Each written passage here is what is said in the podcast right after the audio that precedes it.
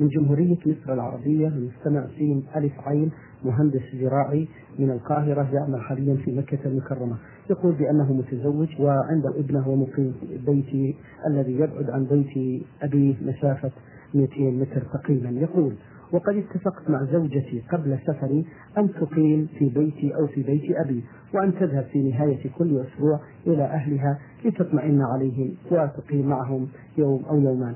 ولكن بعد سفري وحتى الآن ما يقارب من ستة شهور لم تفعل ذلك ولكنها فعلت العكس ذلك أنها ذهبت عند أهلها ولم تأتي إلى بيتي إلا قليل جدا جدا وهذه ليست رغبتي وقد أرسلت إليها عدة مرات لكي تقيم في بيتي. وأن تنفذ اتفاقنا وأن تنفذ الاتفاق بيننا قبل سفري ولم تفعل حتى كتابة هذه الرسالة.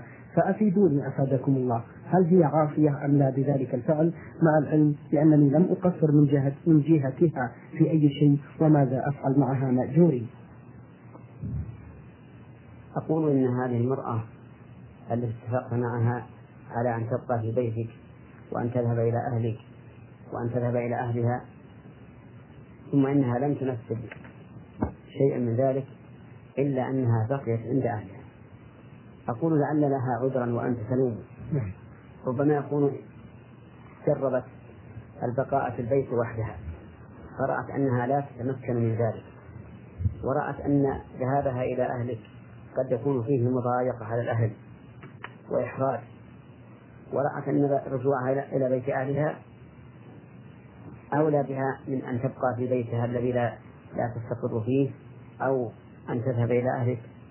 الذين قد يكون في الذهاب إليهم إحراج ومشقة فرأت أن تبقى عند أهلها وأنا أؤيدها في ذلك لأن بيتك ليس فيه أحد يؤنسها ولأن ذلك خطر عليها ربما يأتي عليها الفساق وأهل الفجور ولأن قد لا يلائمها أن تبقى عند أهلك فتكون في هذا معذورة في أن تذهب إلى أهلها ولا حرج عليها. وأشير عليك أنت أن لا تمس الحبل وأن لا وأن لا تتكرر بالنسبة لها بل اعفو واسمح فإن ذلك خير لك في المستقبل وفي الحاضر. فضيلة الشيخ أرى في هذه الأيام عند النساء لبس غطاء مرتفع عن الرأس يلبسنه وهو مثل الحبل فهل في هذا حرام علما بأن بعض الناس لا يحبون ذلك لأنه مصداقا لقول الرسول صلى الله عليه وسلم كأسمنة البخت المائلة لا يدخلن الجنة ولا يجدن ريحها فهل في هذا الغطاء شيء أم لا؟ أفيدونا جزاكم الله خيرا. أخشى أن يكون هذا الذي يوضع على الرأس داخلا فيما حذر منه النبي صلى الله عليه وآله وسلم حيث قال صنفان من أهل النار لم أرهما بعد. قوم معهم سياط كأذناب البقر يضربون بها الناس. ونساء كافيات عاريات مائلات مميلات رؤوسهن كأسنمة البخت المائلة لا يدخلن الجنة ولا يجدن ريحها وإن ريحها يوجد من مسيرة كذا وكذا. ثم إن وضعها هذا على رأسها وخروجها إلى الأسواق.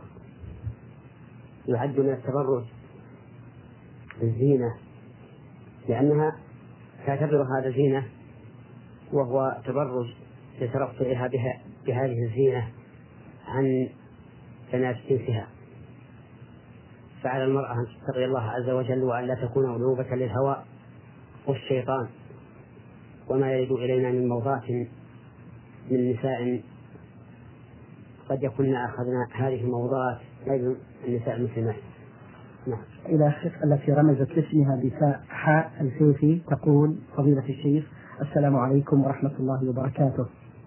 تقول ما حكم من فضيلة الشيخ سقف الأذنين بالنسبة للمرأة لتضع فيها ما يسمى بالخماسم من الذهب كما هي عادة النساء؟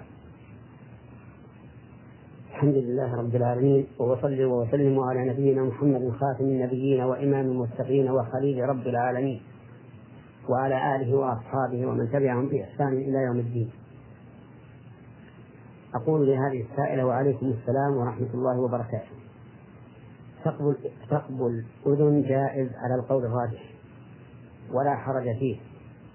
لأن ألمه أداه قليل.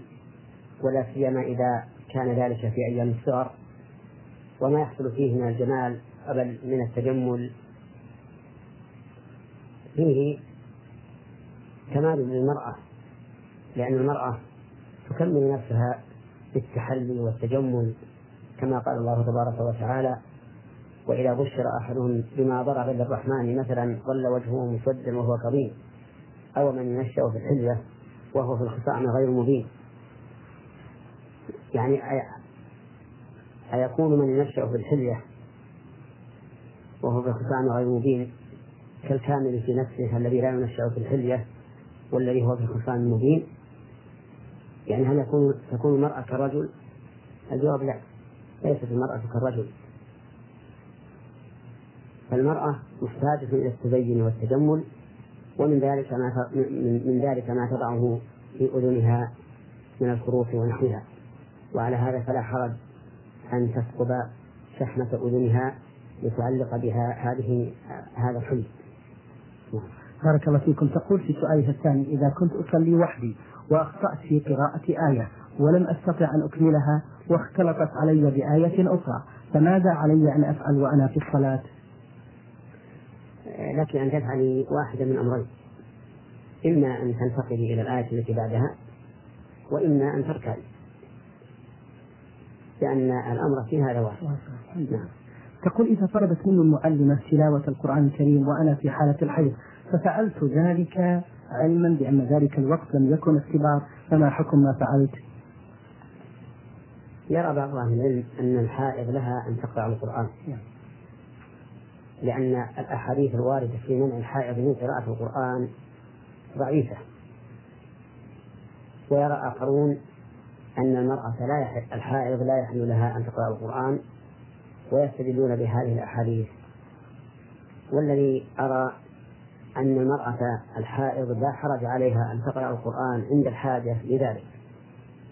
فمن الحاجة أن تخاف نسيانه ومن الحاجة أن تقرأ الأوراد التي تقرأ في أول النهار وآخره ومن الحاجة أن تدرس أولادها ومن الحاجة أن تدرس الأولاد أن تدرس البنات ومن الحاجة أن يكون ذلك في ضمن الاختبار. المهم أنه مع الحاجة لا شك في الجواز ولا وأما مع عدم الحاجة فالأولى أن لا تقرأ القرآن فإذا أمرتها المدرسة أن تقرأ القرآن وعليها العادة فإنها تقول للمدرسة أنا في حال أحب أن لا أقرأ القرآن فيها وتبين للمرأة للمدرسة وتبين للمدرسة غيرها حتى تعذرها في ذلك. طيب. بارك الله فيكم هذا السائل إبراهيم آه، من السودان يقول آه، عن هذا الحديث عن أبي هريرة رضي الله عنه قال قال رسول الله صلى الله عليه وسلم من قال سبحان الله وبحمده في يوم مئة مرة حطت خطاياه وإن كانت مثل زبد البحر متفق عليه. السؤال هل هذا الحديث صحيحا؟ ومن هم أصح الرواة في حديث الرسول صلى الله عليه وسلم؟ أفيدونا أفادكم الله ولكم جزيل الشكر. هذا الحديث صحيح أن من قال سبحان الله وبحمده في اليوم مئة مرة حطت خطاياه وإن كانت مثل زبد البحر لأن فضل الله واسع وعطاؤه جل وعلا أحب إليه من منعه والحديث متفق عليه كما قاله السائل أي رواه البخاري ومسلم. وأزيد القارئ فائدة نعم. وهي قول الرسول عليه الصلاة والسلام في الحديث الصحيح الذي ختم البخاري به صحيحه. كلمتان حبيبتان إلى الرحمن خفيفتان على اللسان ثقيلتان في الميزان سبحان الله وبحمده سبحان الله العظيم. فأكثر منها أخي المسلم سبحان الله وبحمده سبحان الله العظيم. فإنهما كلمتان فيهما هذه الفوائد العظيمة. حبيبتان إلى الرحمن ثقيلتان في الميزان ولا يشقان على أحد لأنهما خفيفتان على اللسان. ويقول السائل ما هو أصح الحديث؟ فنقول له أصح الحديث متفق متفق عليه أئمة الأئمة الحفاظ كالبخاري ومسلم وأبي داود والنسائي والترمذي وابن ماجه والإمام أحمد والإمام مالك وما أشبه ذلك. فهذا إذا اتفقت هؤلاء عليه فهو أصح ما يكون. ثم عند الانفراد نقول أصحها البخاري ثم مسلم. فما اتفق عليه فهو أصح. وما وما انفرد به البخاري فهو أصح مما انفرد به مسلم. ثم ما كان على شرطهما ثم ما كان على شرط البخاري ثم ما كان على شرط مسلم. وهكذا يرتبها أهل العلم في في, في مرتبة القوة والضعف. بارك الله فيكم. المستمعة نون من الجوف تقول إذا وجدت شيء رائع وصاحب هذا الشيء غير معروف أي نقطة مثل ذهب أو نقود أو سوارة صغيرة أو كبيرة هل أدفع عنه صدقة؟ إذا وجد الإنسان لقطة من دراهم أو حلي فينظر إذا كانت شيئا يسيرا لا يهتم بها الناس إذا إذا ضاعت منهم فإنها له ولا يحتاج أن يبحث عن صاحبها لكن إن علمه وجب عليه دفعها إليه مثال ذلك وجد الإنسان خمسة ريالات. خمسة ريالات لا يهتم بها الناس ولا يبحثون عنها إذا ضاعت في وقتنا هذا لأن الأمور ولله الحمد واسعة والخير كثير. لكن إذا علمت صاحب هذه الخمسة وجب عليك أن تدفعها له سواء طلبها منك أم لم يطلبها. أما إذا كان الذي وجدته مما يهتم الناس به ويبحثون عنه ويطلبونه فإن الواجب عليك أن تبحث عنه سنة كاملة تبحث عن صاحبه. تعرف هذه هذه اللقطة في الأسواق وحول المساجد لمدة سنة. في أول الأمر تكرر هذا التعريف كل يوم. ثم في الأسبوع مرتين ثم في الأسبوع مرة ثم في الأسبوعين مرة وهكذا حتى تتم السنة. فإذا تمت السنة ولم يأت صاحبها فهي لك. وإذا كان يبعد وجود صاحبها كالدراهم توجد في الطرق البرية فإن العثور على صاحبها قد يكون مستحيلا. وذلك لأن البلدان حولها كثير. ففي أي بلد تعرفها؟ فمثل هذا لو أن الإنسان تصدق به لكان خيرا أو يعطيه القاضي والقاضي يتصرف فيه بما يراه موافقا للشرع. بارك الله فيكم. هذا السائل أحمد نون من الرياض يقول فضيلة الشيخ يعمل البعض من الناس عملا وهو أنهم يكتبون بالقلم الحبر أو السائل البعض من الآيات القرآنية أو البعض من الأحاديث أو الأدعية على ورقة ثم يضعون ثم يضعونها بداخل كاس فيه ماء ويعطون هذا الماء إلى أي شخص مريض أو تعبان لكي يشربه الرجاء منكم. توضيح حكم هذا العمل هل هو جائز أم لا؟ وجزاكم الله خيرا. أولا يجب أن نعرف أن الكتابة بهذا الحبر أو أو بالأقلام الناشفة نعم. على ورقة ثم توضع في ماء ويشربها المريض. قد يكون في ذلك ضرر على المريض.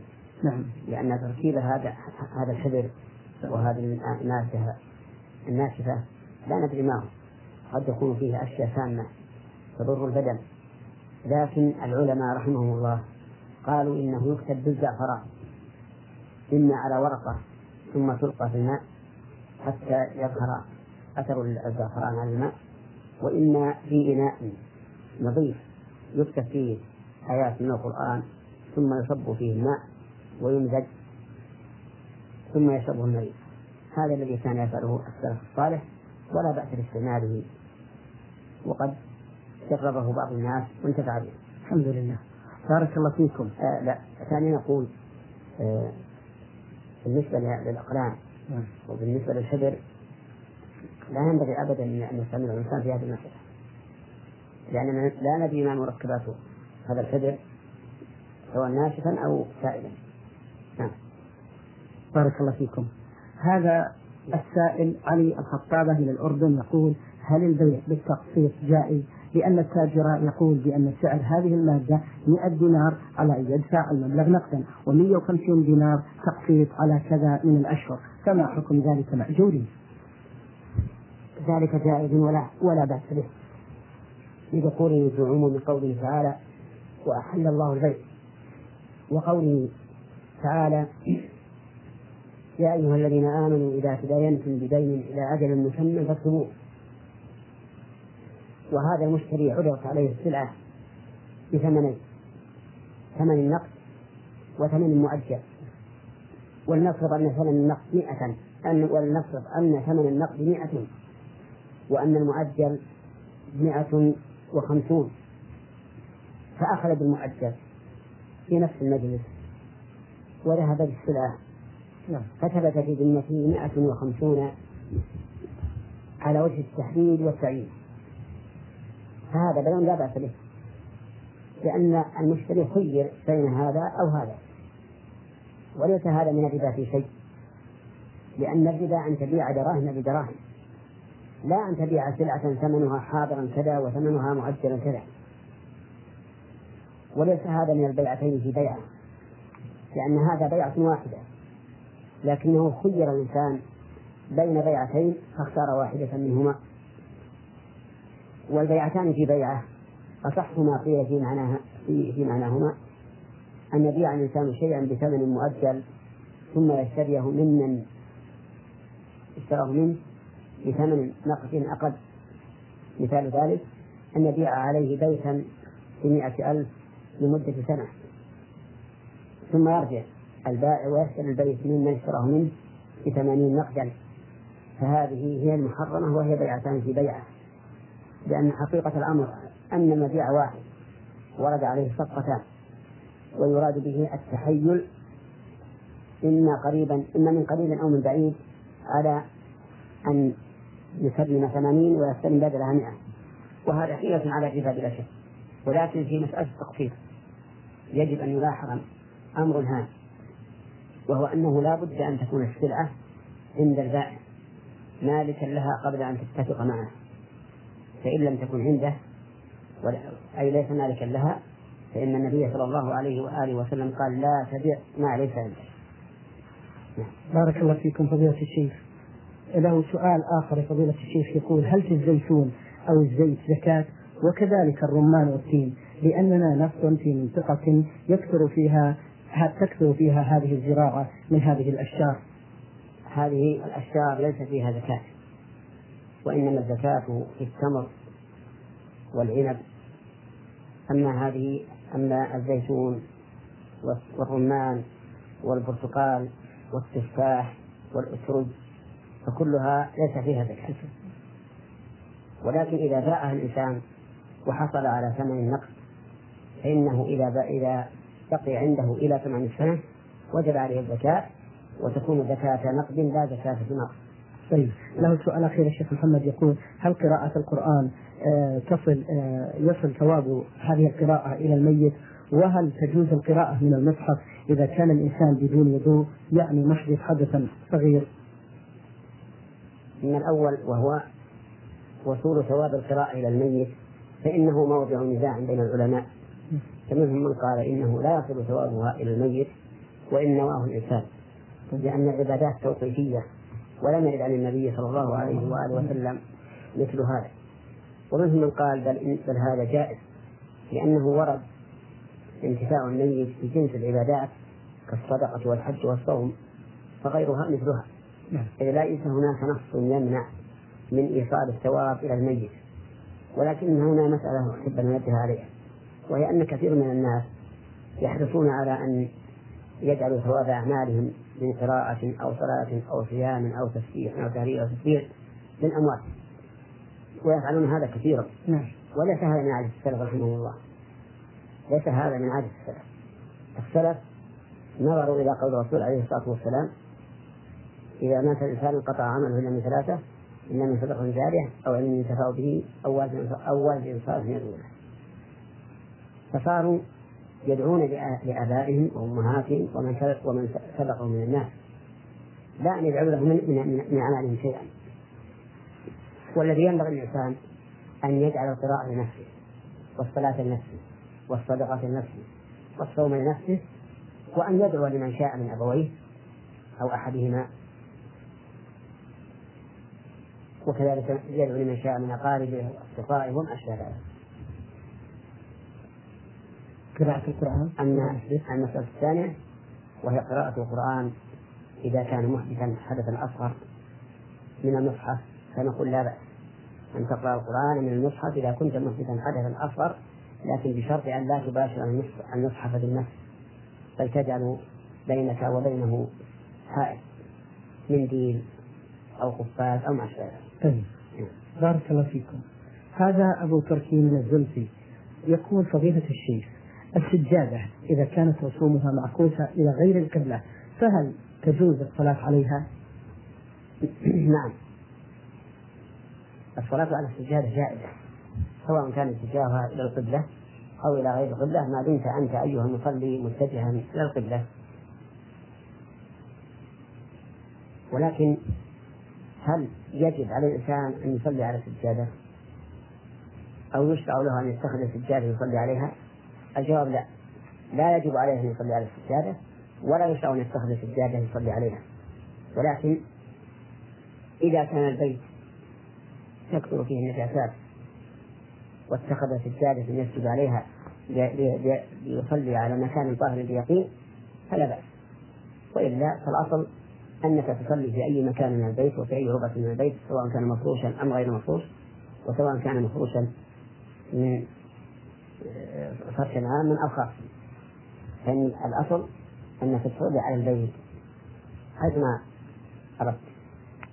بارك الله فيكم شيخ محمد. له فقرة حقيقة متعلقة في سؤال يقول البعض أيضا من الناس يقولون بأنه لا يجوز الجلوس على السجادة لأن فيها رسم للكعبة ويجلس عليها. هذا أيضا لا لا حرج فيه. طيب. أي لا لا بأس أن تضع سجادة وتجلس عليها ولو كان فيها صورة الكعبة أو صورة حجرة قبر النبي عليه الصلاة والسلام. لأنه جالس لا يريد بهذا امتهان الكعبة ولا امتهان حجرة قبر النبي صلى الله عليه وآله وسلم. وليست هذه حجرة قبر النبي صلى الله عليه وسلم حقيقة ولا الكعبة حقيقة. نعم. بارك الله فيكم.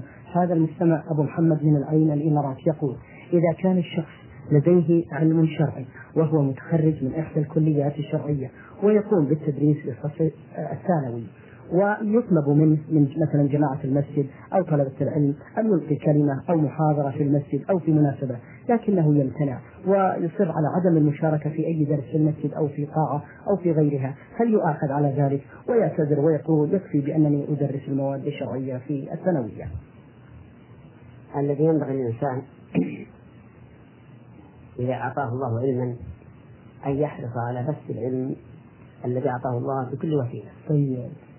لا سيما إذا كان من علما شرعيا يهدي الله به على يديه من شاء من عباده. ومن المعلوم أن الإنسان إذا سئل عن علم وجبت عليه الإجابة ما لم يخشى ضررا على نفسه. لأن الله تعالى قال وإذا أخذ الله ميثاق الذين أوتوا الكتاب لتبيننه للناس ولا تكتمونه فنبذوه وراء ظهورهم واشتروا به ثمنا قليلا فبئس ما يشترون فالواجب على هذا الأخ الإمام إذا سئل عن علم أن يبينه والأفضل إذا طلب منه أن يطلب درسا بالمسجد أن يستجيب لذلك.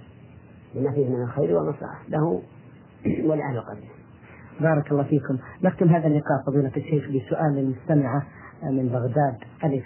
ألف. تقول فضيلة الشيخ لي زوج أنجبت منه آه، سبع بنات وكان عند كل مولود يتمنى أن يرزق بولد وهو إنسان مؤمن ولطيف ويصلي إلا أنه تأتريه بحالة من الضيق وأنا أقول له اصبر فهذا قسم الله لك وإنك تؤجر على ذلك فلعلكم فضيلة الشيخ تذكرون بعض الآباء بالأحاديث الواردة في فضل تربية البنات وبأنه يؤجر عليهن إذا رباهن التربية الإسلامية. قال الله سبحانه وتعالى في كتابه لله ملك السماوات والأرض يخلق ما يشاء يهب لمن يشاء إناثا ويهب لمن يشاء الذكور أو يزوجهم ذكرانا وإناثا ويجعل من يشاء عقيما. فبين الله سبحانه وتعالى في هذه الآية أربعة أصناف. الذكور الكلف والإناث الكلف و... والذي يكون من الصنفين والذي يكون عقيما. والله سبحانه وتعالى عليم حكيم وعليم قدير. فهو الذي بيده كل شيء. وكون الإنسان يحب أن يرزقه الله أبناء لا حرج عليه في ذلك. ولا يعتبر هذا ردا لقضاء الله ولا تسقطا منه كما يحتار الإنسان مثلا أن يرزقه الله رزقا كثيرا فإن هذا جائز إذا كان عونا له على على طاعة الله. أما بالنسبة لمن وهبه الله البنات ولم يهبه الذكور فلا ييأس ربما يكون هذا الذكر في في المستقبل. ولكن مع هذا ننصحه بأن يصبر على البنات ويسأل الله لهن الرزق الواسع ويحرص أيضا على تربيتهن تربية إسلامية وعلى أن يختار لهن من الأزواج من هم أصلح وأوفق وأنفع وقد ورد عن النبي عليه الصلاة والسلام أحاديث تدل على فضل من من ربى البنات وأنهن يكون سترا له من النار. المستمع محمد سعيد من الأردن يقول فيها فضيلة الشيخ كثير من أئمة المساجد يقنتون في صلاة الفجر في الركعة الثانية ويدعون بدعاء اللهم اهدنا فيمن هديت ويزيدون عليه أدعية أخرى مختلفة ويجعلون هذا الدعاء مختصا بصلاة الفجر دون الصلوات الأخرى وبشكل مستمر وليس كما كان الرسول صلى الله عليه وسلم يدعو في دعاء النوازل لمدة معينة وبعضهم إذا نسي هذا الدعاء سجد سجود السهو. ما حكم هذا القنوت؟ وماذا يفعل المؤتم إذا قنت الإمام؟ هل يرفع يديه مع المؤتمين ويقول آمين أم يبقي يديه إلى جنبيه ويبقى صامتا ولا يشترك معهم في هذا القنوت؟ نرجو التوجيه مأجورين. الحمد لله رب العالمين وأصلي وأسلم على نبينا محمد وعلى آله وأصحابه ومن تبعهم بإحسان إلى يوم الدين. القنوت في صلاة الفجر بصفة مستمرة بغير سبب شرعي يقتضيه. مخالف لسنة الرسول صلى الله عليه وسلم. فإن رسول الله صلى الله عليه وسلم لم يكن يقنط في صلاة الفجر على وجه مستمر لغير سبب شرعي. والذي ثبت عنه القنوت من القنوت في الفرائض أنه كان يقنط في الفرائض عند وجود سببه كتسلط المشركين على المستضعفين من المسلمين ونحو ذلك. وقد ذكر أهل العلم رحمهم الله أنه يقنت الفرائض إذا نزلت للمسلمين نازلة تستدعي ذلك ولا يختص هذا بصلاة الفجر بل في جميع الصلوات. ثم اختلفوا هل الذي يقنت الإمام وحده؟ والمراد بالإمام من له السلطة العليا في الدولة. أو يقنت كل إمام جماعة في مسجد أو يقنت كل مصل ولو منفردا. فمن أهل العلم من قال إن القنوت في النوازل خاص بالإمام أي بالسلطة العليا في الدولة لأن النبي صلى الله عليه وسلم هو الذي كان يقنت في مسجده ولم ينقل عنه ولم ينقل أن غيره كان يقنت في الوقت الذي كان النبي صلى الله عليه وسلم يقنت فيه ممن يصلون في مساجده. ومنهم من قال إنه يقنط كل مصلي كل إمام جماعة. لأن النبي صلى الله عليه وسلم كان يقنط لأنه إمام المسجد. وقد قال صلى الله عليه وسلم صلوا كما رأيتموني أصلي. ومنهم من قال إنه يقنط كل مصلي.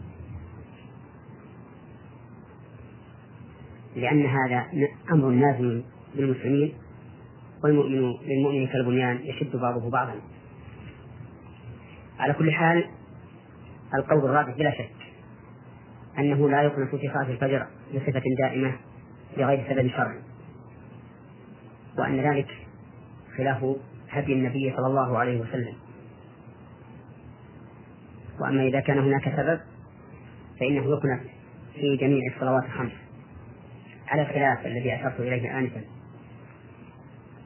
ولكن القنوت كما قال السائل ليس هو قنوت الوتر اللهم اهدني فيما هديت ولكن القنوت هو الدعاء بما يناسب الحال التي من أجلها شرع القنوت. كما كان ذلك هدي رسول الله صلى الله عليه وسلم. ثم إن السائل قال إذا كان الإنسان مأموما هل يتابع هذا الإمام؟ فيرفع يديه ويؤمن معه أم يرسل يديه على جنبيه. والجواب على ذلك أن نقول بل يؤمن على دعاء الإمام ويرفع يديه. تبعا للإمام وخوفا من المخالفة. وقد نص الإمام أحمد رحمه الله على أن الرجل إذا تم بإمام يقنط في صلاة الفجر فإنه يتابعه ويؤمن على دعائه. مع أن الإمام أحمد رحمه الله لا يرى مشروعية القنوت في صلاة الفجر في المشهور عنه. لكنه رحمه الله رخص في ذلك أي في متابعة الإمام الذي يقنط في صلاة الفجر خوفا من الخلاف الذي قد يحدث معه اختلاف القلوب. وهذا هو الذي جاء عن الصحابة رضي الله عنهم. فإن أمير المؤمنين عثمان بن عفان في آخر خلافته كان يتم الصلاة في منى في الحج. فأنكر عليه من أنكر من الصحابة. ومع ذلك فإنهم كانوا يتابعونه ويتمون الصلاة. ويذكر عن عن عبد الله بن مسعود رضي الله عنه أنه قيل له يا أبا عبد الرحمن كيف تصلي مع أمير المؤمنين عثمان أربعا؟ ولم يكن النبي صلى الله عليه وسلم ولا أبو بكر ولا عمر يفعلون ذلك. فقال رضي الله عنه الخلاف شر. وبقي في قول السائل أو يرسل يديه على فخذيه فإن ظاهر كلامه أنه يظن أن المشروع بعد الرفع من الركوع إرسال اليدين على الفخذين وهذا وإن قال به من قال من أهل العلم قول مرشوح. والصحيح الذي دلت عليه السنة أن الإنسان أن المصلي إذا رفع من الركوع فإنه يصنع في يديه كما صنع فيهما قبل الركوع. أي يضع يده اليمنى على اليسرى فوق الصدر. ودليل ذلك حديث سهل بن سعد رضي الله عنه. قال كان الناس يؤمرون أن يضع الرجل يده اليمنى على ذراعه اليسرى في الصلاة. وهذا ثابت في صحيح البخاري. وقوله في الصلاة يعم جميع أحوال الصلاة لكن يخرج من حال السجود لأن اليدين على الأرض وحال الجلوس لأن اليدين على الفخذين وحال الركوع لأن اليدين على الركبتين. فما عدا ذلك تكون فيه اليد اليمنى على ذراع اليد اليسرى كما يقتضيه هذا العموم. هذا هو القول الراجح في هذه المسألة. وبعض العلماء قال إن السنة أن يرسل يديه بعد الركوع. والإمام أحمد رحمه الله قال يخير بين أن يضع يده اليمنى على اليسرى أو يرسلهما. لكن اتباع ما دل عليه حديث سهل بن سعد أولى وهو أن يصنع في يديه بعد الركوع كما كان يصنع فيهما قبل الركوع. وليس الشأن في أن هذا هو المشروع أو أو ذاك لكن الشأن ما سلكه بعض الإخوة المجتهدين حول هذه المسألة وأشباهها من مسائل الخلاف حيث ظنوا أن الخلاف فيها كبير ورتبوا على ذلك الولاء والبراء حتى كانوا ينكرون إنكارا بالغا على من خالفهم في هذا الأمر. ولا شك أن هذا مسلك مخالف لما كان عليه الصحابة رضي الله عنهم. ولما قاله أهل العلم في أن مسائل الاجتهاد التي يسوغ فيها الاجتهاد لا ينكر فيها هذا المرء. لأن قول كل واحد من الناس ليس حجة على الآخرين إلا المعصوم محمد صلى الله عليه وسلم. إلا المعصوم محمد صلى الله عليه وسلم ولهذا فإني بهذه المناسبة أوجه النصيحة لإخواني الذين وفقهم الله للاستقامة والاتجاه السليم والحرص على اتباع السنة أن لا يجعلوا من هذا الخلاف سببا لاختلاف القلوب والتسلط بالألسن على غيرهم وأكل لحوم الناس. وضرب آراء العلماء بعضها ببعض فإن في ذلك شرا وفسادا كبيرا نسأل الله أن يجمع كلمتنا على الحق في كتاب الله وسنة رسوله صلى الله عليه وسلم. بارك الله فيكم. فضيلة الشيخ لا شك أن الداعية إلى الله لا بد أن يشترط فيه شروط معينة. حبذا لو بينتموها للإخوة الدعاة إلى الله. نعم. آه، من شروط الداعي إلى الله عز وجل أن يكون مخلصا لله في دعوته. بأن يكون قصده في دعوته. إقامة دين الله وإصلاح عباد الله. لا أن ينتصر لنفسه وأن يظهر قوله على قول الناس. لأنه إذا كان قصده أن ينتصر لنفسه وأن يظهر قوله على قول الناس صار داعيا إلى نفسه لا إلى سبيل الله عز وجل. فلا بد من الإخلاص. والمخلص في دعوته إلى الله. إذا تبين له أن الحق في خلاف قوله رجع إليه وانقاد له واستغفر الله تعالى من الخطأ الذي وقع فيه. وإن كان مأجورا عليه إذا كان قد صدر منه اجتهاد لأنه قد يكون مفرط في اجتهاده ولم يستقصد. ثانيا أن يقصد بذلك إصلاح عباد الله وهو داخل في في الإخلاص في الدعوة. وإذا كان قصده إصلاح عباد الله فإنه لا بد أن يسلك الطريق الأمثل لحصول هذا المقصود الأعظم بحيث يدعوهم إلى الله عز وجل على وجه لا يمثل على وجه الرفق واللين والمداراة دون المداهنة لأن المداراة شيء والمداهنة شيء آخر. المداهنة ترك الحق للغير أي من أجل الغير وأما المداراة فهي إيصال الحق إلى الغير بالطرق الأسهل بالطريق الأسهل فالأسهل.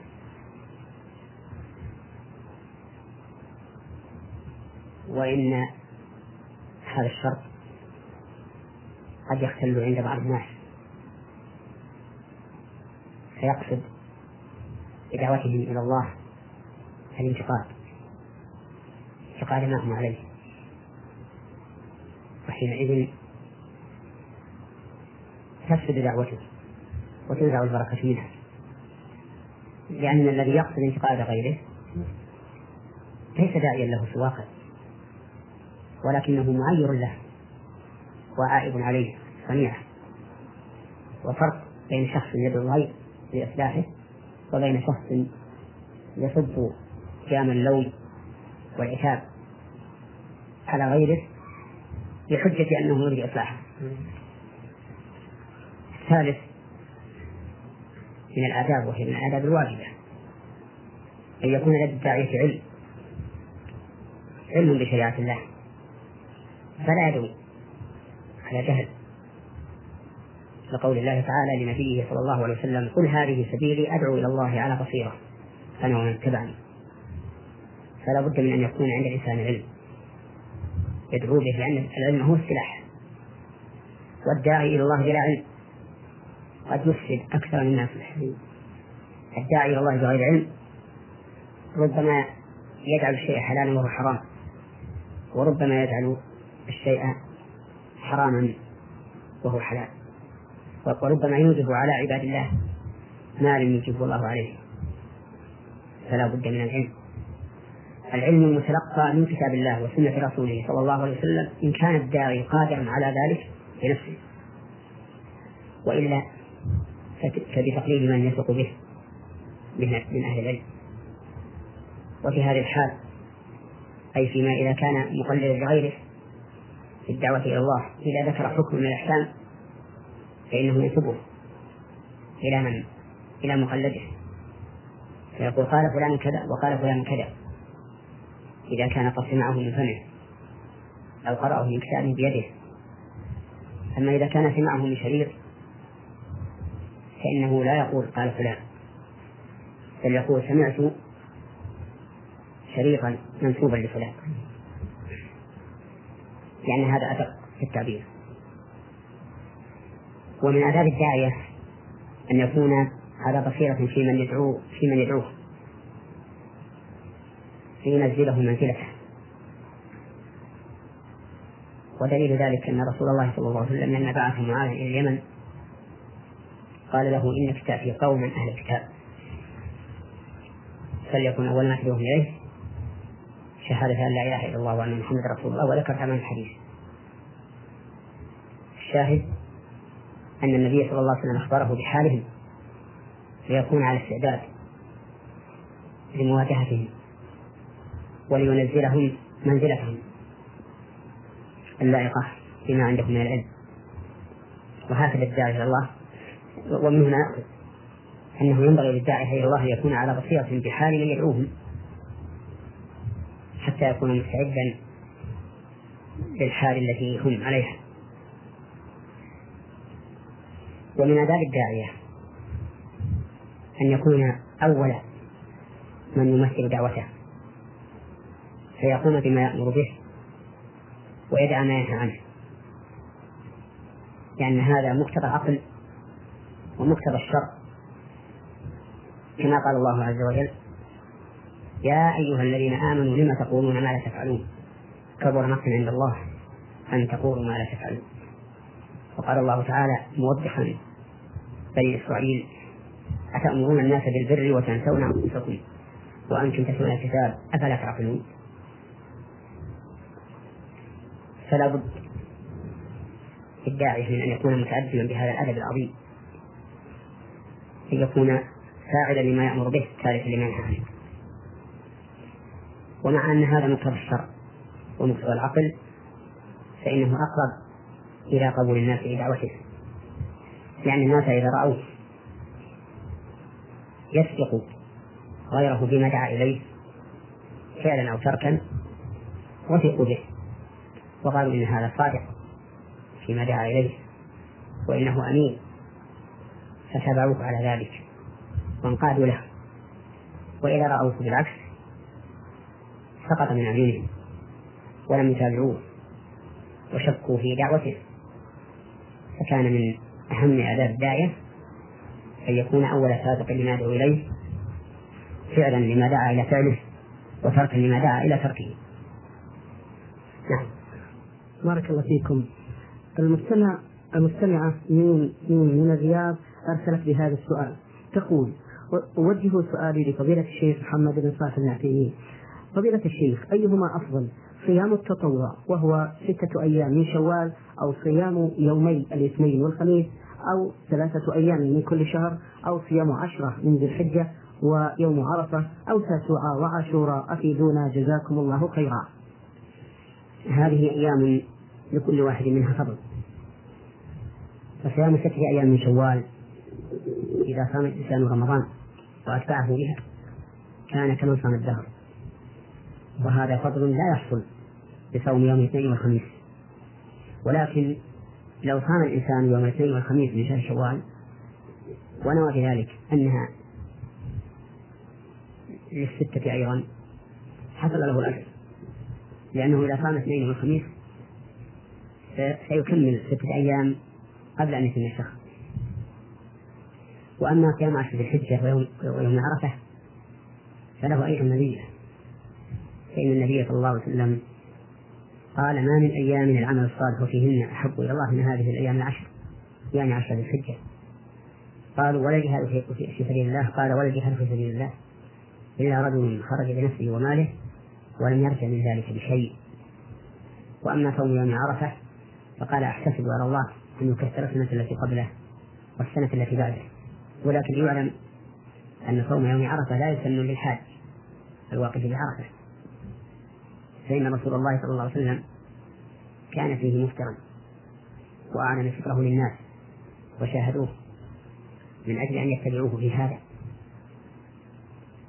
وهذا الفعل من رسول الله صلى الله عليه وسلم الذي أظهره لأمته حتى يعلموا به ويتبعوه عليه مخصص لعموم الحديث دال على فضل صوم يوم عرفة والذي أشرت إليه والذي ذكرته آنفا وأما صوم تاسوعة وعاشوراء فهو أيضا له مزية. فإن النبي صلى الله عليه وسلم قال في صوم عاشوراء أحتسب على الله أن يكفر السنة التي قبله. ولكنه عليه الصلاة والسلام أمر يعني صام يوما قبله يعني صام يوم قبله أو يوم بعده. وقال لي أنت إذا قابل لأصومن التاسع يعني مع العاشر. السنة من أراد أن يصوم عاشوراء أن يصوم قبله اليوم التاسع فإن لم يتمكن صام اليوم الحادي عشر وذلك من أجل مخالفة الذين كانوا يصومونه لأن الله نجى فيه موسى وقومه وأهل فرعون وقومه. نعم. بارك الله فيكم. المستمع محمد طه من سوريا دير الزور يقول فضيلة الشيخ هل تجوز صلاة الجنازة على العصاة إذا مات أحدهم على المعاصي مثل ترك الصلاة أو صيام شهر رمضان؟ أرجو الإفادة. نعم. الصلاة على العصاة جائزة. بل هم أحق من غيرهم لأن الصلاة على الميت شفاعة له. لقول النبي صلى الله عليه وسلم ما من مسلم يموت فيقوم على جنازته أربعون رجلا لا يشركون بالله شيئا إلا شفعهم الله فيه. فأهل المعاصي محتاجون إلى من يشفع لهم عند الله عز وجل بالدعاء والمصلون على الأموات يدعون لهم بالمغفرة والرحمة. يقول الداعي في دعائه اللهم اغفر له وارحمه وعافه واعف عنه وأكرم نزله ووسع مدخله واسله بالماء والثلج والبرد ونقه من الخطايا كما نقى الثوب الابيض من الدنس اللهم أعطيه دما خيرا من داره وأهلا خيرا من أهله وزوجا خيرا من زوجه وأدخله الجنة وأعد من عذاب القبر وعذاب النار وافتح له في قبره وليمن له فيه. هذا دعاء. إذا استجيب صار فيه خير كثير للميت وأما تمثيل السائل بتارك الصلاة وتارك الصيام فإن تمثيله بتارك الصيام صحيح. فإن تارك الصيام عاصم من العصاة ليس بخارج عن الملة. وأما تارك الصلاة فالقول الراجح من أقوال العلم أنه كافر مرتد خارج عن الملة. ولا يجوز أن يصلي عليه أحد من المسلمين وهو يعلم حاله. لأن الله تعالى قال لرسوله صلى الله عليه وسلم في المنافقين ولا تصلي على أحد منهم مات أبدا ولا تقم على قدره. إنهم كفروا بالله ورسوله وماتوا وهم فاسقون. ولأن الصلاة على الميت دعاء واستغفار له. وقد قال الله عز وجل ما كان للنبي والذين آمنوا أن يستغفروا للمشركين ولو كانوا أولي قربى. من بعد ما تبين لهم أنهم أصحاب الجحيم. والمرتد الذي كانت ردته ثابتة بدلالة الكتاب والسنة قد تبين لمن علم بذلك أنه من أصحاب الجحيم. ولهذا أخبر النبي عليه الصلاة والسلام في الذي لا يحافظ على الصلوات أنه يشفر مع فرعون وهامان وقارون وأبي بن خلف رؤساء الكفر والعياذ بالله. وعلى هذا فالتنفيذ بتارك الصلاة على أنه من العصاة غير صحيح على القول الراجح. بل نقول إن تارك الصلاة كافر مرتد. لا يجوز لا تجوز الصلاة عليه لمن علم بحاله. ولا يجوز لأهله الذين يعلمون أنه لا يصلي أن يقدموه إلى المسلمين للصلاة عليه لأنهم يغرون المسلمين بذلك. ولا يجوز لأهله كذلك أن يدعوا له بالمغفرة والرحمة. وقد مات على هذا. فنسأل الله تعالى لإخواننا الذين ابتلوا بترك الصلاة مع أنهم يسخرون من كتابهم الإسلام. نسأل الله تعالى أن يهديهم ويعونهم إلى الإسلام. وأن يعينهم على أنفسهم وعلى ما يمليه عليه ما تمليه عليه الشياطين. السماء محمد طه من سوريا في رزور فعرضنا سؤالا له في حلقة سابقة بقي له هذا السؤال. يقول المستمع هل تجوز قراءة القرآن على الميت؟ وعندنا عندما يدفن الميت نقرأ عليه سورة ياسين والفاتحة مرتين. ما حكم الشرع في نظركم في هذا مأجورين؟ الحمد لله رب العالمين وأصلي وأسلم على نبينا محمد. وعلى آله وأصحابه ومن تبعهم بإحسان إلى يوم الدين. جوابنا على هذا السؤال يحتاج إلى مقدمة نافعة وهي ما كان رسول الله صلى الله عليه وسلم يعلنه في الخطبة يوم الجمعة فيقول أما بعد فإن خير الحديث كتاب الله وخير الهدي هدي محمد صلى الله عليه وسلم وشر الأمور محدثاتها. وكل محدثة بدعة وكل بدعة ضلالة وكل ضلالة في النار.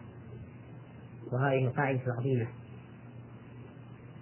التي أسسها رسول الله صلى الله عليه وسلم وحذر من مخالفتها. هي القاعدة التي يجب أن يسير الإنسان عليها في دينه في عقيدته في قوله في فعله في تركه. خير الحديث كتاب الله. خير الهدي هدي محمد صلى الله عليه وسلم. شر الأمور محدثاتها. كل محدثة بدعة كل بدعة ضلالة كل ضلالة في النار. وإذا طبقنا هذا العمل الذي أشار إليه السائل. وهو أن يقرأ على الميت. بعد دفنه. سورة ياسين. وسورة الفاتحة. أو قبل دفنه سورة ياسين وسورة الفاتحة. إذا طبقناه على القاعدة التي أسسها رسول الله صلى الله عليه وسلم وأعلنها لأمته وجدنا أن هذا العمل بدعة وكل بدعة ضلالة. وأقصى ما ورد في ذلك ما يروى عن رسول الله صلى الله عليه وسلم أنه قال اقرأوا على موتاكم ياسين. والقراءة هنا ليست عليه بعد موته لأنه لا يستفيد منها شيئا وإنما يستفيد منها إذا كان قد حضره الأجل فقرأت عنده وهو يسمع فإن ذلك قد يشرح صدره بعض الشيء بما ذكر الله فيها من أصول الإيمان وفضيلة المؤمن ومآله. حيث ذكر الله تعالى أنه قيل للرجل الداعي إلى الله الذي قال يا قوم اتبعوا المرسلين. قيل له ادخل الجنة. قال يا ليت قومي يعلمون بما غفر لي ربي وجعلني من المكرمين. وأما بعد خلوص الروح فإنه لا يقرأ عليه شيء لا الفاتحة ولا يتم وكذلك بعد الدفن لا يقرأ عليه شيء. لا الفاتحة ولا يتم وأقصى ما جاء في ذلك أن النبي صلى الله عليه وسلم كان إذا فرغ من دفن الميت وقف عليه وقال استغفروا لأخيكم واسألوا له التثبيت فإنه الآن يسأل. ومعلوم أن الميت إذا مات انقطع عمله إلا من ثلاثة إلا من صدقة جارية أو علم ينتفع به أو ولد صالح يدعو له وهذا الحديث يوجب للمؤمن أن ينتهز فرص الحياة ويعمل قبل أن لا يستطيع العمل يأخذ من حياته لموته ومن صحته لسقمه ومن غناه لفقره ومن فراغه لشغله حتى يكون حازما منتهزا للفرصة. فالميت إذا مات فإن أفضل ما نهدي إليه أن ندعو الله له بالمغفرة والرحمة وأن يفتح له في قدره ويوسع له فيه وأن وأن يفتح له في قدره وينور له فيه وأن يدخله الجنة ويعيده من النار وأن يفداه عن سيئاته. إلى إلى غير ذلك من الدعاء النافع الذي ينتفع به الميت. أما الأعمال الصالحة فينبغي أن يكون أن يكون الإنسان الحي منتهزا لها يجعلها لنفسه لأنه هو أيضا سيحتاج ونحن الآن ونحن في مهلة من الزمن. كرماء في الزمن لا يهمنا ما ضاع منه ولا ما بذلنا منه في أمور لا تنفعنا. ولكن عند حضور الأجل وانقطاع الأمل نعرف قدر الوقت. فيقول الإنسان عند موته رب ارجعون لعلي أعمل صالحا فيما تركت ويقول رب لولا أخرتني إلى أجل قريب فأصدق وأكن من الصالحين. فنصيحتي لنفسي ولإخواني انتهاز الفرصة ما دام الإنسان في زمن المهلة وأن يكثر من الأعمال الصالحة المقربة إلى الله لنفسه هو. وأما من مات من أقاربه أو إخوانه وأصحابه فليكثر لهم من الدعاء. فإن الله تعالى إذا استجاب له دعوة يحصل بها النجاة من النار. ودخول الجنة. فهذا غاية ما ما يتمناه الإنسان وخلاصة الجواب على هذا السؤال أنه لا يسل قراءة الفاتحة ولا ياسين بعد الموت لا قبل الدفن ولا بعد الدفن. نعم. بارك الله فيكم. آه المستمعة قاف جيم من الطائف تقول سمعت في برنامجكم نور على الدرب بأن الذهب إذا بلغ نصابا يزكى ونصابه 92 جرام. وأنا عندي ذهب للاستعمال. تبلغ قيمته حوالي 3000 ريال ووزنه لا يبلغ نصاب. كيف أزكيه؟ على حسب القيمة أم على حسب الوزن؟ وما هو مقدار زكاة النصاب بالريال السعودي؟ أرجو الإفادة. زكاة الذهب تكون على حسب الوزن. فإذا قدر أن هذا الذهب أقل من النصاب وزنا فإنه لا زكاة فيه ولو بلغ ما بلغ من الدراهم. وإذا بلغ النصاب في الوزن فإن فيه الزكاة وحينئذ تقدر الزكاة بقيمته فمثلا إذا كان عند المرأة نصاب من الذهب فإننا نسأل كم قيمته؟ فإذا قال مثلا قيمته أربعون ألفا فالزكاة فيه ألف ألف ريال لأن الزكاة واحد من أربعين من أربعين. وإذا قيل إن قيمته ثمانون فالواجب فيه ألفان. وعلى هذا فقه وأما سؤالها عن نصاب فضة فنصاب الفضة ستة وخمسون ريالا من الريالات السعودية الفضية. فما بلغ هذا الوزن من الفضة ففيه الزكاة لأنه بلغ النصاب. وما كان وما كان دون ذلك فلا زكاة فيه. ولا عبرة بالورق لأن الورق يزيد وينقص. بارك الله فيكم. المستمعة في سؤالها الأخير خاء جيم من الطائف تقول بأنهم يستعملون دهن آه، دهن لترطيب البشرة. وعندما نستعمل هذا نلاحظ أن الماء ينزل من البشرة بسرعة ولكن لا نشعر بالماء. هل هذا الدهن يمنع وصول الماء إلى البشرة في الوضوء للصلاة؟ إذا كان هذا الدهن له طبقة يعني قشرة فإنه يمنع وصول الماء ولا بد من إزالته قبل الوضوء.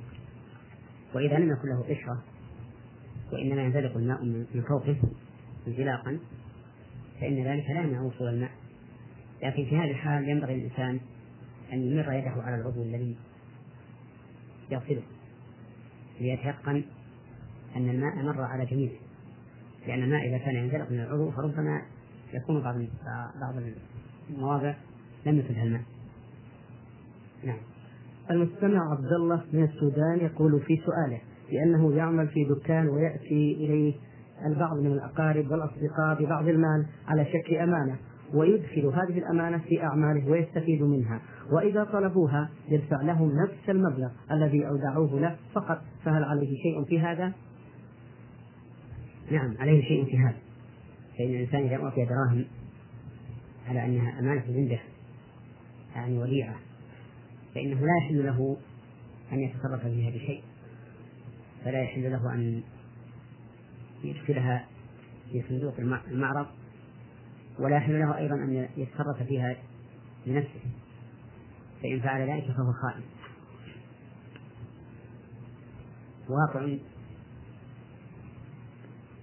في قوله تعالى يا أيها الذين آمنوا لا تكونوا الله والرسول وتخونوا أماناتكم وأنتم تعلمون مخالف لقوله تعالى إن الله يأمركم أن تؤدوا الأمانات إلى أهلها ولكن إذا كان يشق عليه أن يحرزها وحدها في مكان معين فإنه يقول لمن أعطاه إياها ائذن لي أن أجعلها في الصندوق مع عموم الدراهم التي عندي أو ائذن لي أن أتصرف فيها وحينئذ تكون قرضا يجب عليه رد مثلها إذا طلب ذلك صاحبها.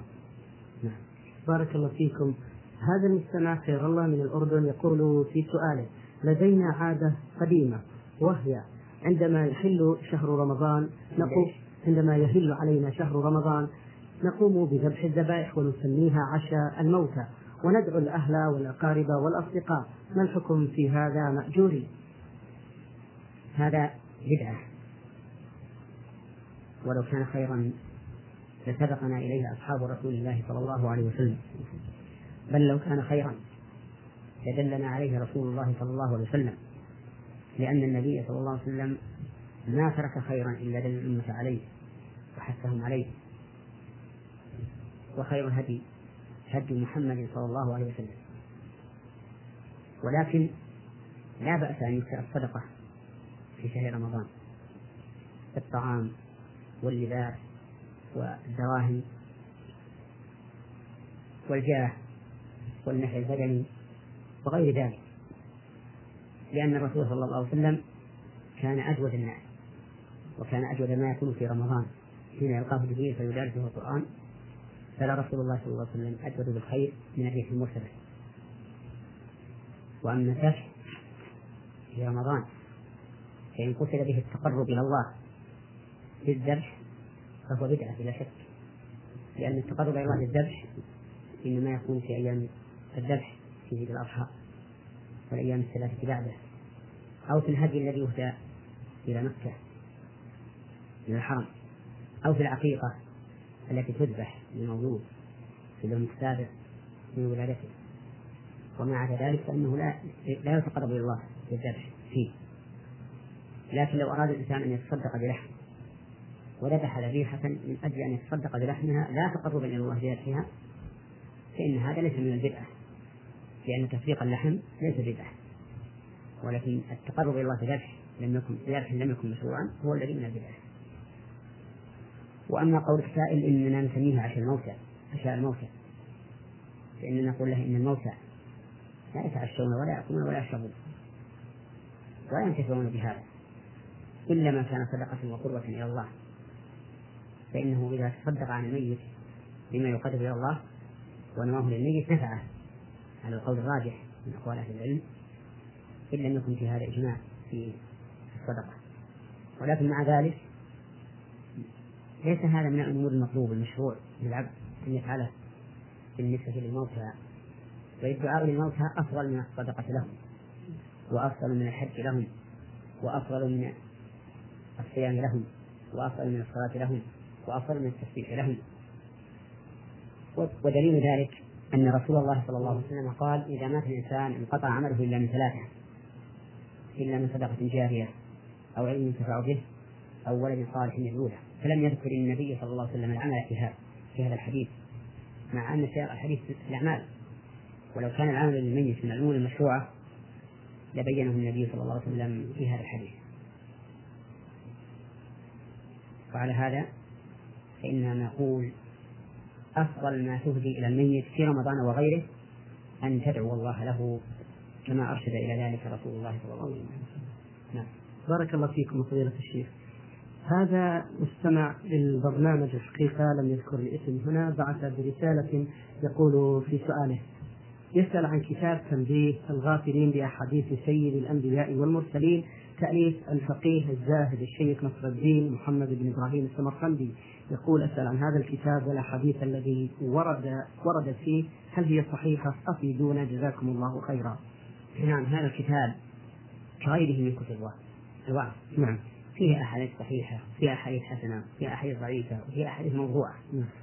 ولهذا لا ينبغي قراءته إلا لطالب علم يميز بين ما يقبل من الأحاديث التي فيه وما لا يقبل ليكون على بصيرة من أمره. ولئلا لا ينسب إلى رسول الله صلى الله عليه وسلم ما لم يقله أو ما لا تصح نسبته إليه. فإن من حدث عن رسول الله صلى الله عليه وسلم بحديث يرى أنه كذب فهو أحد الكاذبين. وقد صح عن النبي صلى الله عليه وسلم أن من كذب عليه متعمدا فليتبوأ مقعده من النار. فنصيحتي لمن ليس عنده علم بالأحاديث أن لا يقع في هذا الحديث في هذا الكتاب. ومن عنده علم يميز بين الصحيح بين المقول وغير المقول. ورأى في قراءة مصلحة فليفعل. وإن رأى أنه يصده عن قراءة ما هو أنفع منه له فلا يذهب وقته في قراءته نعم. المستمع ميم صاد يقول في سؤال سمعته من بعض الإخوة بأن من مات بالهدم أو الحرق فهو شهيد. ولكن هل يتساوى هذا مع الشهيد في سبيل الله؟ ومن مات بواحد من هذا وهو لا يصلي فهل يعتبر شهيدا؟ نرجو النصح والإفادة بهذا. نعم. هذا الذي ذكره السائل. من مات بهدم أو غرق أو حرق فهو شهيد. صحيح. صح من حديث رسول الله صلى الله عليه وسلم. ولكن لا يعطى حكم الشهيد المقتول في سبيل الله. فإن الشهيد المقتول في سبيل الله يغفر له كل شيء إلا الدين. والشهيد المقتول في سبيل الله لا يغسل ولا يكفن ولا يصلى عليه ويدفن في ثيابه بدمائه كما أمر بذلك النبي صلى الله عليه وسلم في أحد. لأنه يبعث يوم القيامة وجرحه يشعب دما اللون لون الدم والريح ريح المسك ولأن الشهيد المقتول في سبيل الله لا يفتن في قبره أي لا يأتيه الملكان يسألانه عن ربه ودينه ونبيه كفاء بالمحنة العظيمة التي حصلت له بالجهاد في سبيل الله حيث عرض رقبته وعرض نفسه للتلف والهلاك إعلاء لكلمة الله عز وجل فكفى ببالغة السيوف على رأسه فتنة. وهذه الأحكام لا تثبت للشهيد في الذي مات بالأسباب التي ذكرها السائل لكن يرجع له أن يكون شهيدا. ثم إن ها هنا نقطة أحب أن أقولها وهو أن من قتل في سبيل الله وهو الذي يقاتل لتكون كلمة الله العليا فهو شهيد. ولكننا لا نشهد لشخص معين بأنه شهيد وإن قتل في المعركة وقد بوب البخاري رحمه الله في صحيحه على هذه المسألة فقال باب لا يقال لا يقال كلام الشهيد واستدل بالحديث الصحيح. ما من مكروم يكرم في سبيل الله. والله أعلم بمن يكرم في سبيله. إلا جاء يوم القيامة وجرحه أو قال كلمه يشعر دما. اللون لون الدم والريح ريح المسك. فقوله صلى الله عليه وسلم والله أعلم بمن يكرم في سبيله. إشارة إلى اعتبار النية. ونحن لا نعلم بنية هذا المقصود. وإن وإن كنا نعامله بالظاهر فيما يتعلق بالتفصيل والتكفين والصلاة لكننا لا نحكم له في الباطن وهو أنه شهيد من أهل الجنة. ولكننا نقول يرجى أن يكون من الشهداء. فما نسمعه أحيانا من إطلاق الشهيد على من قتل في الجهاد. أمر لا ينبغي بل الوراء. أن يقال لقد قتل. ونرجو أن يكون من الشهداء. حتى نسلم من الشهادة عليه بأنه شهيد. وقد ذكر أهل العلم أن من معتقد أهل السنة والجماعة أن لا نشهد لأحد بالجنة إلا لمن شهد له رسول الله صلى الله عليه وسلم. ومعلوم أن هذا الذي قتل في سبيل الله في عصرنا لم يشهد له رسول الله صلى الله عليه وسلم. بأنه شهيد. ومعلوم أيضا أننا لو شهدنا بأنه شهيد لازم من ذلك أن نشهد له بأنه من أهل الجنة. وهذا لم يتحقق بشهادة النبي صلى الله عليه وسلم.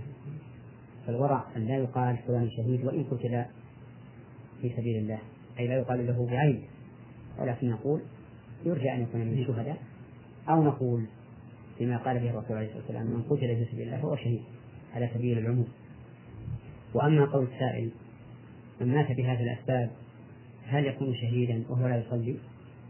فجوابنا على هذا أن نقول لا ولا كرامة. فإن من مات وهو لا يصلي فليس بشهيد. حتى لو كان مقتولا في الصف وهو يجاهد الكفار وهو لا يصلي فإنه ليس بشهيد. وذلك لأن من لا يصلي كافر. نعم. والكافر لا ينفع منه عمل إطلاقا. لا ينفعه عمل إطلاقا. قال الله تعالى وما منعهم أن تقبل منهم نفقاتهم إلا أنهم كفروا بالله وبرسوله. وقال الله تعالى وقدمنا إلى ما عملوا من عمل فجعلناه هباء منثورا. فمن مات على الكفر فإن جميع أعماله حادثة مهما كانت حتى وإن كان مجاهدا في سبيل الله وقتل في المعركة ولكنه لا يصلي فليس له أجر. وليس وليس شهيدا. ولا كرامة له. ويحشر يوم القيامة مع فرعون وهامان وقارون وأبي بن خلف. إبراهيم عبد الله من من الرياض يقول فضيلة الشيخ السلام عليكم ورحمة الله وبركاته. يقول ما رأيكم يا شيخ محمد في من كان عنده فتاة ويتقدم لها القطان ولكنه يقوم برفضهم واحدا تلو الآخر حتى بلغت سن الثلاثين عام وحرمها من زهرة شبابها؟ ما رأيكم في هذه القضية مأجورين؟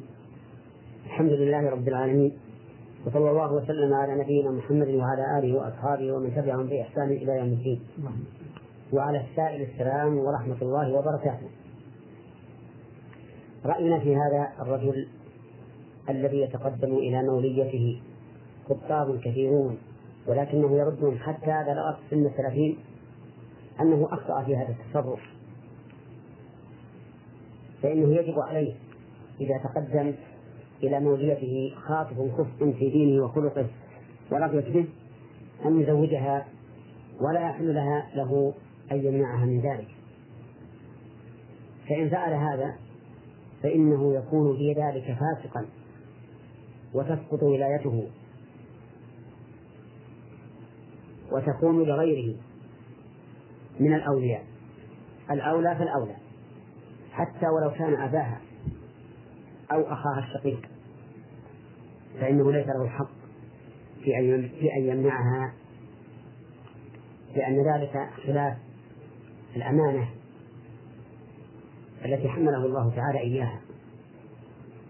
وفي الحديث عن رسول الله صلى الله عليه وآله وسلم أنه قال إذا أتاكم من ترضون دينه وخلقه فأنكحوه إلا تفعلوه تكن فتنة في الأرض وفساد كبير.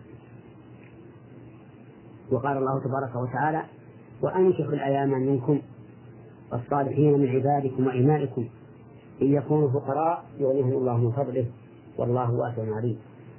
فعلى هذا الرجل أن يتوب إلى الله عز وجل وأن يبادر بإنكاحها أول كفء يخطبها.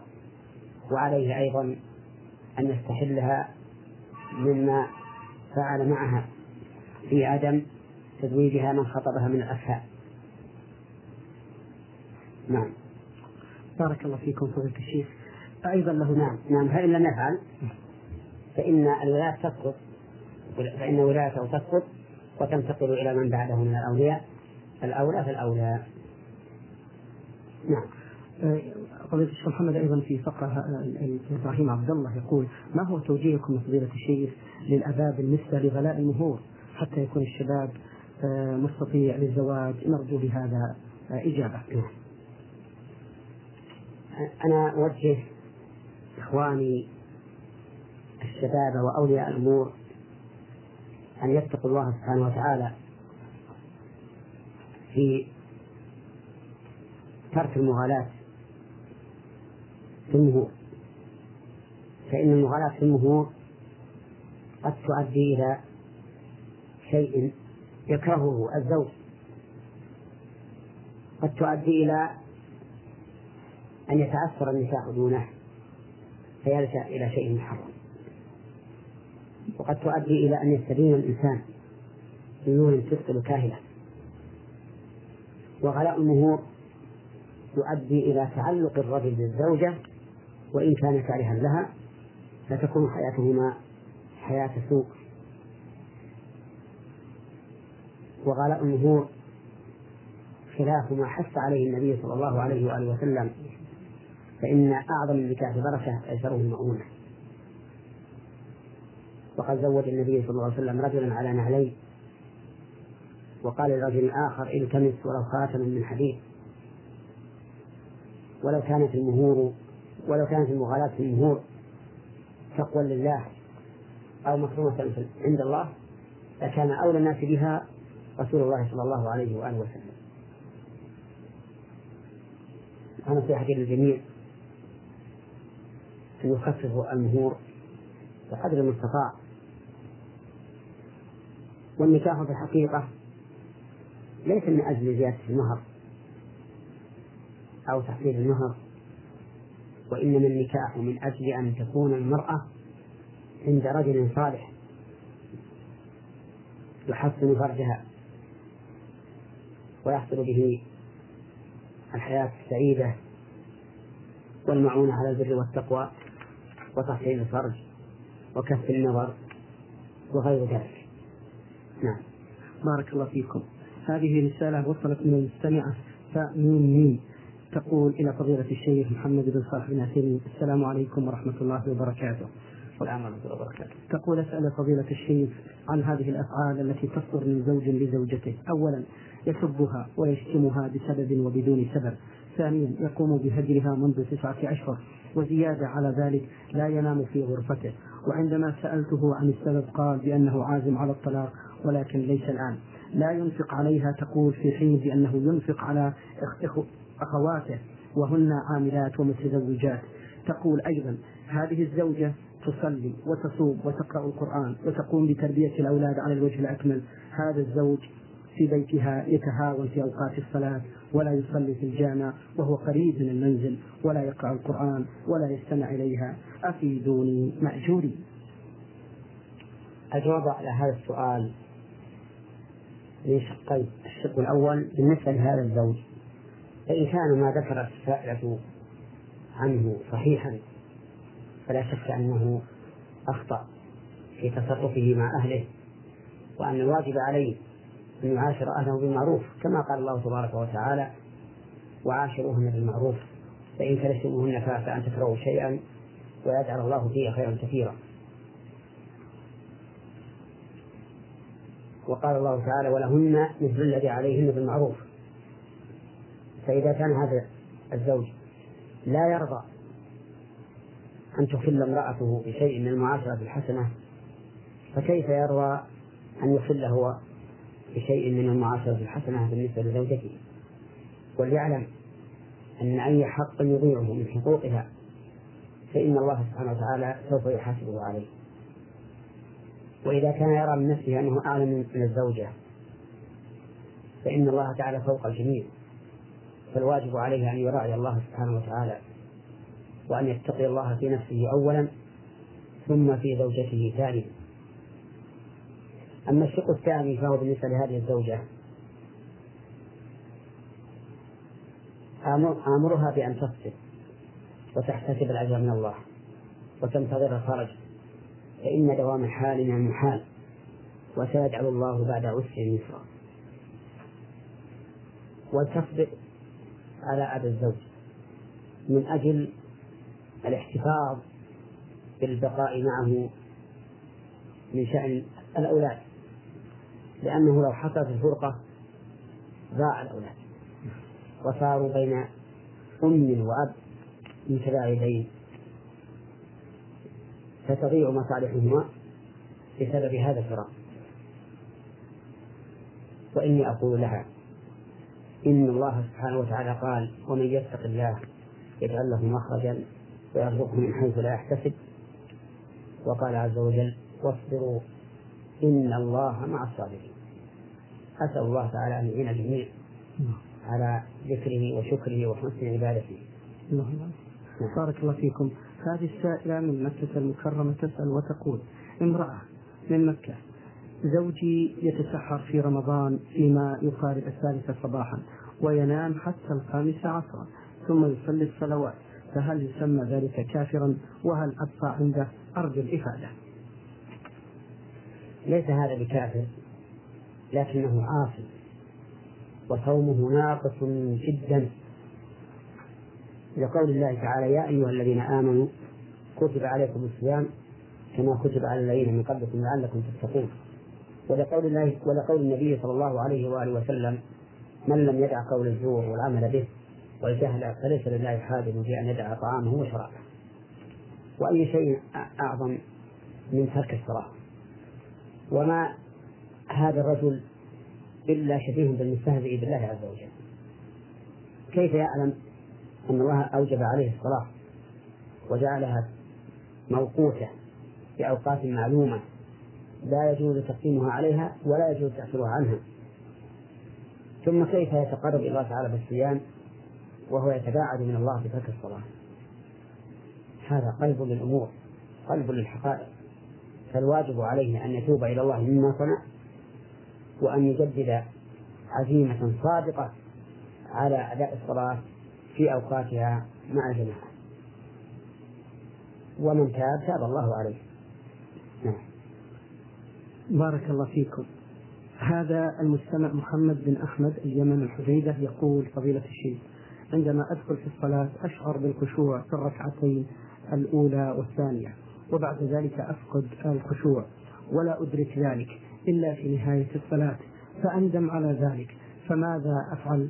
وما السبيل إلى ذلك مأجورين آه، السبيل إلى إبقاء الخشوع. أن تنتهي أن تنتهي عن كل ما يرد على قلبك من الوساوس والهواجس